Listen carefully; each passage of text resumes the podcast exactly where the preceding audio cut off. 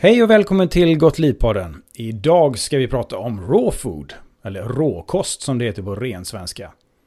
Raw food är en vegankost där man inte värmebehandlar mat över ungefär 40 grader.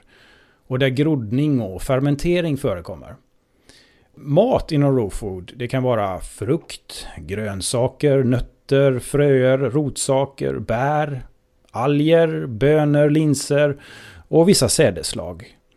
Det är vanligt att man pratar om denna mat och använder ordet superfoods. Och anledningen till att man äter råfood är att man vill bevara maximalt med näring. För det sägs ju att om man värmer upp mat som innehåller eh, då vitaminer och mineraler och enzymer, att det då blir mindre utav detta. Men stämmer det egentligen? Det är en fråga som vi kommer att prata om idag här på Gott Liv-podden.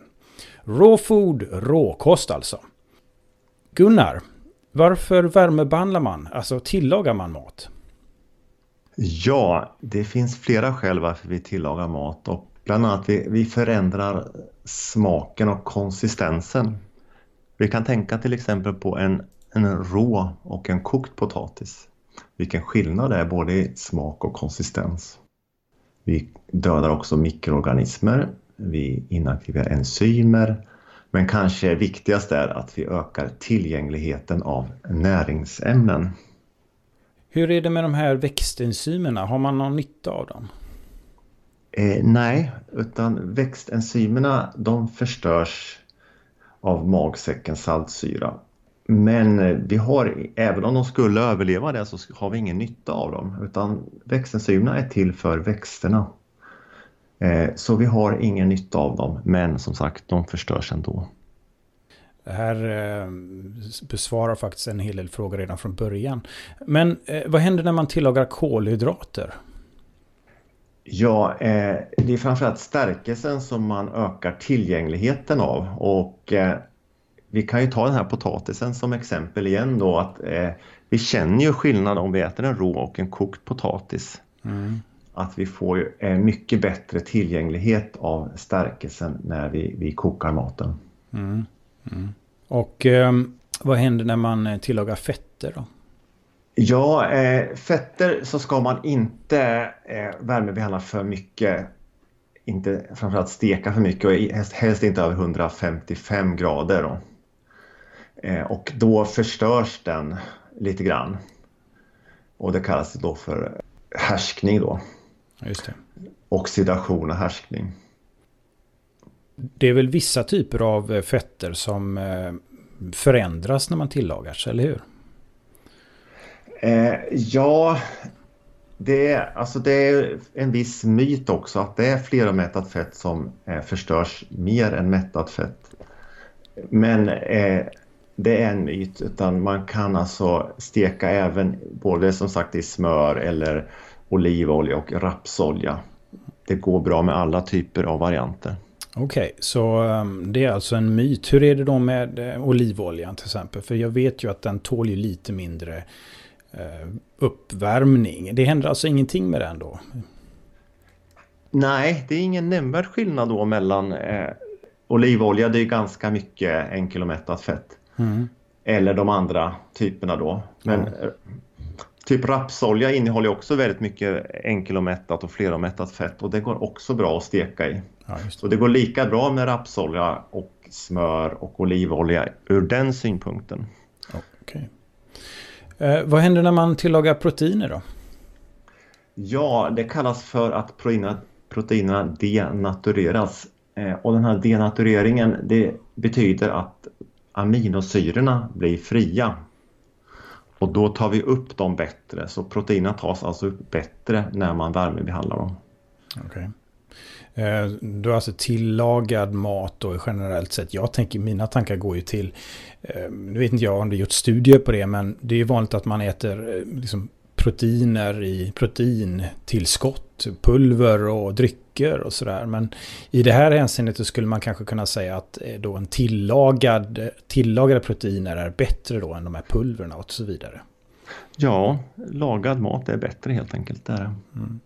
Men vitaminerna då? Vad händer med dem eh, när man tillagar dem? Ja, eh, för många vitaminer så ökar ju tillgängligheten och det mest klassiska exemplet är väl karotenoider. Eh, och när eh, vi, vi, morötter är du inne på. Ja, morötter framförallt får vi därifrån. Mm. Så när vi kokar dem så eh, cellväggarna luckras upp då.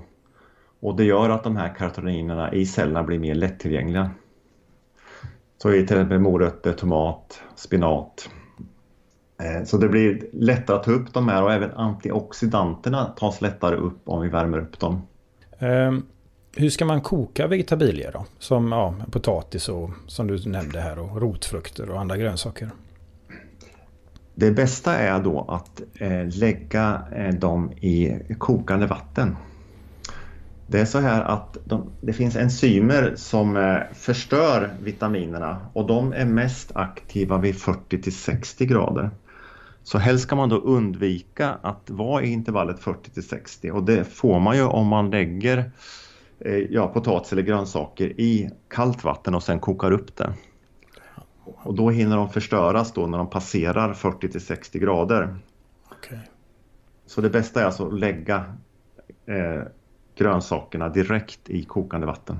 Jag tänker det är väl, jag är i alla fall uppväxt med att man eh, skalar potatisen i vatten, kallt vatten. Och sen så ställer man det kalla vattnet och potatisen på, på plattan. Och helt enkelt väntar på att det ska koka upp. Det är egentligen då fel. Ja, det är inte bra. Nej. Då vet vi att eh, det är bra att tillaga mat. Men eh, kan det vara farligt att upphetta mat på något sätt? Ja, om vi upphettar det så mycket så att det, det blir någon svart yta på det. Så det är ett tecken på att det inte är bra. Och det gäller framförallt kött och det beror på att eh, kreatinin i muskler eh, när det värmebehandlas så kan det bildas farliga ämnen. Det är detta då som kopplas till cancer bland annat? Ja, just det. Då kan det bildas eh, cancerogena ämnen. Just det. Har du någon eh, sammanfattning här som du tycker? Har du missat någonting i detta som du skulle vilja upplysa oss eh, om? Det, det, viktigaste är ju, tycker jag, att vi ökar faktiskt näringsupptaget när vi tillagar mat. Och det, det kan vi, om vi återgår till det exemplet med potatis, att vi känner ju faktiskt det när, när vi tuggar på en rå potatis och en kokt potatis. Att, eh, det är ju inte lika gott och vi nästan känner att vi inte tar upp lika mycket när vi äter en rå potatis.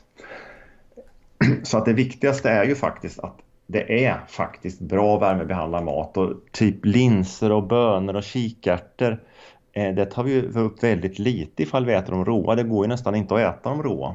Och dels så finns det lite farliga ämnen i de, i, i de produkterna som gör att vi inte bör äta dem råa. Och det är därför man håller på med groddning och fermentering. Det stämmer. Så det får ju också den effekten att det tar bort en del av de här farliga ämnena. Ja, just det. Men ditt tips är helt enkelt att uh, tillaga maten? Ja, det är det. Ja. Det blir både godare och det blir mer eh, näringsriktigt. Tack så jättemycket Gunnar.